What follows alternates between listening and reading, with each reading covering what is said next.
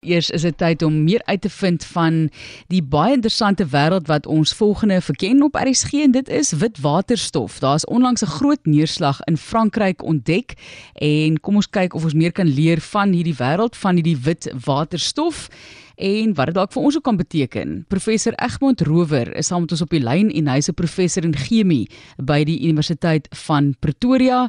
Ek het 'n artikel indien jy dit wil lees. Dit is nog van CNN se webblad vroeër vroeër hierdie jaar wat hulle dit bekend gestel het. Baie welkom professor.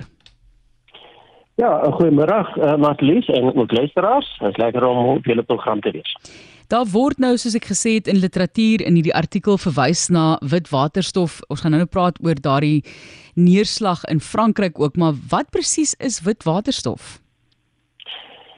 Ja, voordat ek by witwaterstof uitkom, moet ek miskien eers praat oor hoekom waterstof self so dikwels in gesprekke oor volhoubare ontwikkeling genoem word. Dit is 'n brandstof wat aan die vele energiebehoeftes van die moderne samelewing kan voorsien nes fossiele brandstowwe, dit nou aardgas, olie, petrol, diesel, steenkool.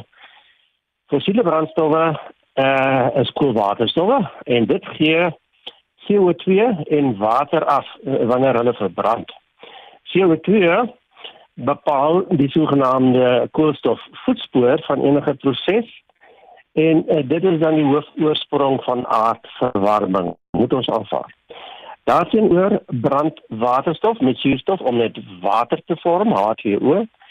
Sedert die stoomenjin in die industriële revolusie in die vroeë 1800s, het die aarde se CO2-vlakke van so 280 dele per miljoen tot vandag se 420 dele per miljoen gestyg. Dit is 'n ongewenste neewreaksie van die hele proses wat die moderne samelewing moontlik gemaak het. Ek praat nou van alles vervoer, intensiewe landbou byvoorbeeld, kunsmis, uh, ijskaste, boumateriale soos sement, plastiek uh, en die verkoeling en verhitting van geboue, al hierdie dinge. Ehm um, waterstof eh, kan ook as 'n uh, kan dit as 'n alternatief uh, vir fossiele brandstowwe gebruik word, ook in gasturbines en in binnebrand engines. Uh en kan ook in brandstofselle direk in uh elektrisiteit self omgeskakel word. Nou die sogenaamde waterstofekonomie is die voor, uh, is die volgende ding wat ek wil aanspreek. En uh, dit speel 'n sleutelrol in ons globale stryd teen uh, klimaatsverandering. Ons moet CO2 vrystellings onmiddellik verminder en alle gebruik van fossiel brandstof as energiebronne teen 2050 totaal hogslaan. Ek kan my voorstel dat ons 30 jaar van nou in plaas van die prys van 'n vat olie elke oggend gaan hoor wat is die prys van 'n kilogram waterstof? So belangrik is hierdie ekonomie, waterstofekonomie. Die luisteraars het dit seker al dikwels gehoor, maar laat ek dit as bekommerde wetenskaplike self herhaal. Om die wêreld van fossiel, fossiel brandstowwe te speel, is sonder twyfel die grootste projek wat die mensdom as geheel ooit aangepak het.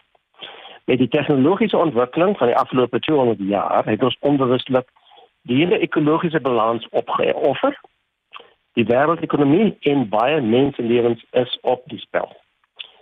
Die grootste probleem in die water is eh uh, waterstofekonomie wat ek nou genoem het, is egter dat waterstof ongelukkig nie tans sonder gelyktydige groot vrystellings van CO2 verkrygbaar is nie. 96% is eintlik afkomstig van fossiel brandstowwe. Terloops is die volgende probleem dat in teenstelling met die steenkool of olie, waterstofgas ook moeilik is om in groot hoeveelhede te berg en te vervoer. Maar hierdie is 'n tema op sy op sy eie en dit moet ons vir 'n ander geleentheid beheer. So wat is dan nou besonder aan wit waterstof? Ja, eerstens het waterstof net so stikstof en suurstof geen fisiese kleur nie. So dit is 'n kleurkodering wat gebruik word om die herkoms van die gas te beskryf aan die hand van sy koolstofvoetspoor. Dan moet ons nou eers kyk na die verskillende bronne van waterstof soos dit vandag gebruik word. En om om te die helfte van waterstof in gebruik het sy oorsprong van metaan, dit is 'n CH4 wat in industriële prosesse omgeskakel word met die uh, chemiese hoë temperatuur uh, proses ehm um, wat uh, met water, metaan met water uh, gekombineer word om koolstofmonoksied en waterstof te vorm. Uh, ons onttrek dan sou dit sê die waterstof uit die metaan, ja, 4 maar dit word dan opgevolg deur die volgende uh, uh, volgende reaksie wat koolstofmonoksied met water verder reageer om uh, eh, CO2 dan in waterstof te vorm. Ons kan sien dat waterstof eintlik uit die H2O onttrek word. Nou, waar dit dit is dan duidelik dat ons groot hoeveelhede CO2 vrystel aan die atmosfeer langs hierdie pad. Uh en hierdie soort waterstof word dan grys waterstof genoem. Daar word gewerk aan metodes om die CO2 in hierdie proses vas te vou sodat dit nie die atmosfeer kan bereik nie, dan word daar uh, gepraat van blou waterstof. Ehm um, maar uh, ek sê dit dan net uh, aan die kantlyn hierso. Die belangriker uh, kleur wat ek hierso wil noem is groen waterstof. Groen waterstof uh, het geen intrinsieke koolstofvrystelling nie omdat dit elektrokatalities uit water gevorm word met uh, natuurlik die elektriese energie te sprake nie uit ons bestaande steenkoolkragsentrale opgewek word nie. Met ander woorde, die elektrisiteit moet tipies uit wind en sonenergie kom. En indien die elektrisiteit eh uh, byvoorbeeld uit kernkrag kom, word dit ons ook na ander kleur verwys na pink waterstof. Eh uh, wat ook eintlik 'n zero koolstof voetspoor het.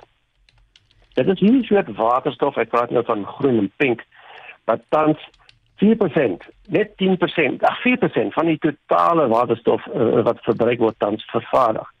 En dit moet geweldig opgeskaal word. Ongelooflike moeite word ingesit om metodes na te vors wat dan meer koste-effektief is. Groen waterstof is tipies R50 tot R120 per kilogram. Ja.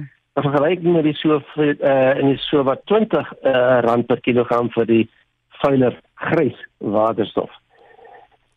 Groen waterstof kan weer terug opgeskakel word uh, in elektrisiteit as jy wil en dit 'n moontlikheid vir die stoor van periodiek beskikbare wind en sonkrag.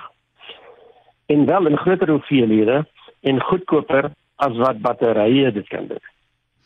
Nou, die grootste meevaller in die uh, waterstof, nou kom ons na die wit waterstof, wat is dit? Die grootste meevaller is dat daar onlangs besef is dat daar groot hoeveelhede waterstof onder die aarde se oppervlak verberg is wat gemyn kan word. Hierdie word dan die natuurlike of wit of ook goue waterstof genoem en dit sal goedkoper wees as selfs die grys waterstof. Dit het dan net groen waterstof geen intrinsieke koolstofvoetspoor nie soos uiters gewens. Sjoe, Jo jo jo, daar's hom nou sterk woorde gespreek daarso oor die voordeel daarvan. Professor is professor Egmond Rower, hy's 'n professor in chemie by die Universiteit van Pretoria. En ons onlangs 'n groot neerslag van witwaterstof in Frankryk ontdek en ons wil weet presies wat is witwaterstof. En professor, jy het nou genoem dat jy dink oor 30 jaar van nou in plaas van die prys van 'n vat olie gaan ons elke oggend hoor wat is die prys van 'n kilogram H2. Maar jy het nou gesê daar is baie daarvan, is dit volop genoeg om daai tipe van stelling te ondersteun? Ja, uh, dit is moeilik om tans te sê want die uh, prospektering is aan die gang en daar is wel uh, reeds baie groot uh, uh, um, bronne opgespoor onder die aarde. Uh, dit is verskeie plekke in Frankryk en in Switserland uh, gevind uh, en ook in ander lande. Uh, dit lyk asof dit asof dit werklik groot hoeveelhede kan wees. Uh, maar uh, niemand waag dit eintlik om te sê in in hoeverre dit die, die totale waterstof ehm um, behoeftes uh, ja. aansal kan voldoen. He. Maar daar staan uh, wêreldwyd 'n geweldige poging in die prospektering van waterstof. Mens kan regtig praat van 'n nuwe uh, wat Engels sê gold rush en gewonder dat dit is dan die ander naam vir hierdie waterstof as goue waterstof uh, gee nie. En mens reken dat die prys van wit waterstof, uh, wit waterstof uit die grond uit so wat 6 keer laer sal wees as die ander koolstofvrye opsie. Dis nou die groen waterstof wat ons elektrolyties wat word. Ehm um, die groot mark vir natuurlike gas was seker maar uh die rede hoekom die prospektering gewoonlik na metaan uh, gegaan het metaangas aardgas en dat die uh, die voorkoms van waterstof uh, in baie dele van die wêreld het, het hulle geweet daar is 'n bietjie waterstof maar die, die klem was net nie daarop nie. En uh, niemand het die soeke na waterstof as uh, baie belangrik geag nie. Maar so word daar uh, altyd die verhaal vertel van 'n waterdoorgat wat in 1987 tot 108 meter diep geboor is.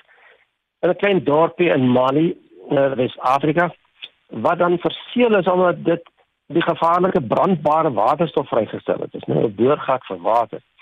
Iemand en dit is dan verseël, maar iemand het dit onthou en in 2012 weer oopgemaak en sindsdien lewer hierdie bron 98% suiwer wit waterstof kontinu.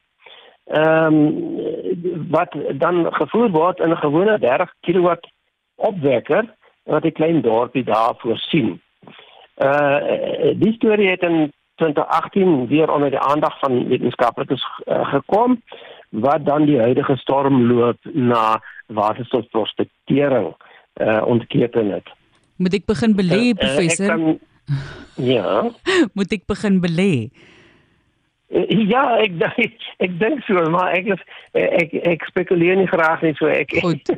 ek is maar bang dat ander mense wat wat dit ook al uh, belê so ons gewone mense is altyd te laat om daar 'n groot uh, bietjie geldjie te maak, maar sekerlik gaan daar 'n groot hoeveelheid uh, beleggings in hierdie uh, in hierdie soeke uh, wees.